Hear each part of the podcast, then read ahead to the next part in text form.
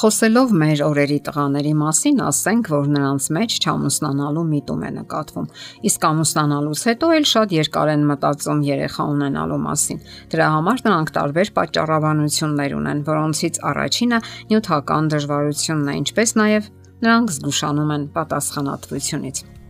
Ամուսնանալ թե ոչ, Նշանավոր գրող Անտուան Սենտ-Դ'Եքզյուպերին այսպիսի հետաքրքիր միտք է արտահայտում Երեխան, որ հասունացել է, փոխվել եւ հետ է վարժվել մոր ներկայությունից, չի վերագտնի հոգեկան անդորը, ինչև որևէ կնոջ չհանդիպի։ Եվ միայն այդ կինն է, որ կկարողանա ժողովել կոտորակված մասնիկները նրա եսի։ Գրական ոճով արտահայտված այս միտքը արժանի է ուշադրության։ Յուրաքանչյուր անznավորություն անկասկած ինքն է կայացնում խիստ պատասխանատու այդ որոշումը՝ ամուսնանալ թե ոչ Սակայն ամուսնության մեջ մարդն իրեն ավելի լիարժեք ու կայացած է զգում եւ ի վերջո նա այս կամ այն կերպ ձգտում է դեպի հակառակ սեռի ներկայացուցիչները։ Իսկ ինչ են անում նրանք այդ պակասը լրացնելու համար։ Տղաները խորասուզվում են կիբերտարածքներ եւ ընկնում լուրջ կախվածության մեջ։ Սա հաստատված փաստ է, որ տղաները ավելի շատ են կախված համակարգչից։ Նրանց հետ ակրկրում է հերոսների կյանքը, շարժումը, արարքները, իսկ աղջիկներին ավելի շատ հետաքրքրում է մարդկային կյանքը, մարդկանց զգացմունքներն ու հարաբերությունները։ Տեսախաղերի աշխարհը դրթում է գործելու, սակայն ոչ մտածելու եւ ստեղծագործելու։ Ահա թե ինչու համակարգչային խաղերը այնքան էլ չեն գրավում աղջիկներին, Պորնոգրաֆիան նույնպես նրանց ձանձրալի է թվում, որովհետև սեռական հարաբերությունը աղջիկների համար միշտ կապված է ռոմանտիկայի հետ, իսկ տղաներին ավելի շատ գրավում է դրա տեսողական կողմը եւ ֆիզիոլոգիան։ Ահա թե ինչու ենթադրվում է, որ տղաները ավելի շատ են զբաղվում ձեռնաշարժությամբ, քան աղջիկները։ Իսկ ժամանակակից պորնոգրաֆիան աղավաղում է հարաբերությունների զարգացման դինամիկան ու ներդաշնակությունը։ Այդտեղ շեշտադրվում է պարզապես սեռական հարաբերությունը որպես ֆիզիոլոգիական գործողություն։ Գոյություն չունի հարաբերությունների որևէ զարգացում։ Խոսքը բացառապես ֆիզիկական փոխշփման մասին է։ Իսկ սա սարսափելի կերպով ազդում է պատանիների սեռազգացողության ձևավորման վրա, որովհետև բացառում է սերը եւ ռոմանտիկ հարաբերությունների զարգացումը։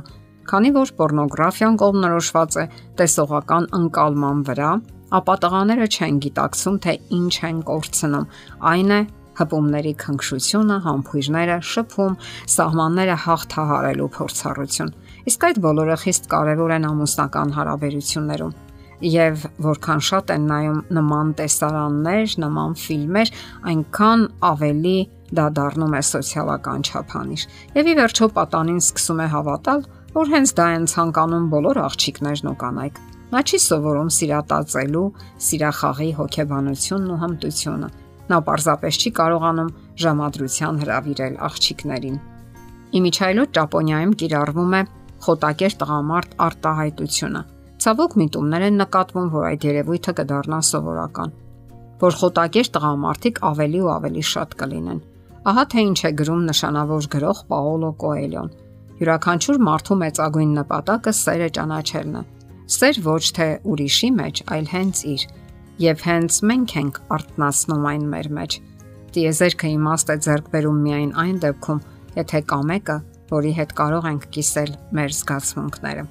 Կարևոր է, որ տղաները կարողանան դրսևորել իրենց զգացմունքները, սովորեն փոխհարաբերության արվեստը հակառակ սեռի ներկայացուցիչների հետ եւ չբավարարվեն հպանցիկ կամ անլիարժեք հարաբերություններով։ Իսկ այստեղ մեծ դեր ունեն ծնողները։ Նրանք կարող են ժամանակին ու տեղին օգնել իրենց խորհուրդներով, կենսական, սեփական փորձառություններով։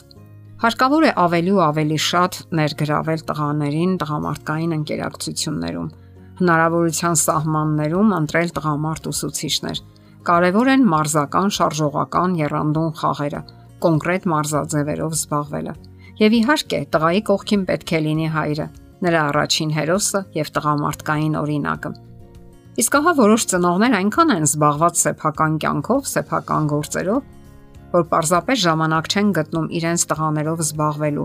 նրանց կյանքով ապրելու համար։ Սա նաև չի նշանակում, որ հայրերը պետք է մտածեն իրենց տղաների փոխարեն, գործեն կամ որոշումներ կայացնեն, եւ որքան վաղ ընթանա հասունացման գործընթացը, այնքան ավելի ճիշտ կլինի։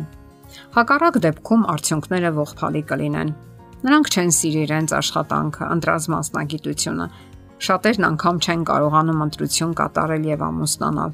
Դա նրանց համար անում են ծնողները եւ սովորաբար նախապատվությունը տալիս են սոցիալական դիրքին, ունեցվածքին։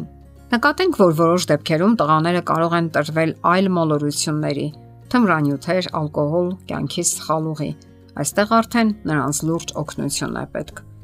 Դե ինչ տղաներ, եղեք ստեղծագործ, եղեք երանդուն, լի կենսական իմաստությամբ եւ կյանքում ձեր իրական տեղը գտնելու հաստատակամ վճռականությամբ։ Մի խոսքով եղեք տղամարդ։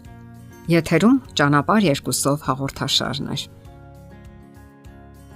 Հարցերի եւ առաջարկությունների համար զանգահարել 033 87 87 87 հեռախոսահամարով։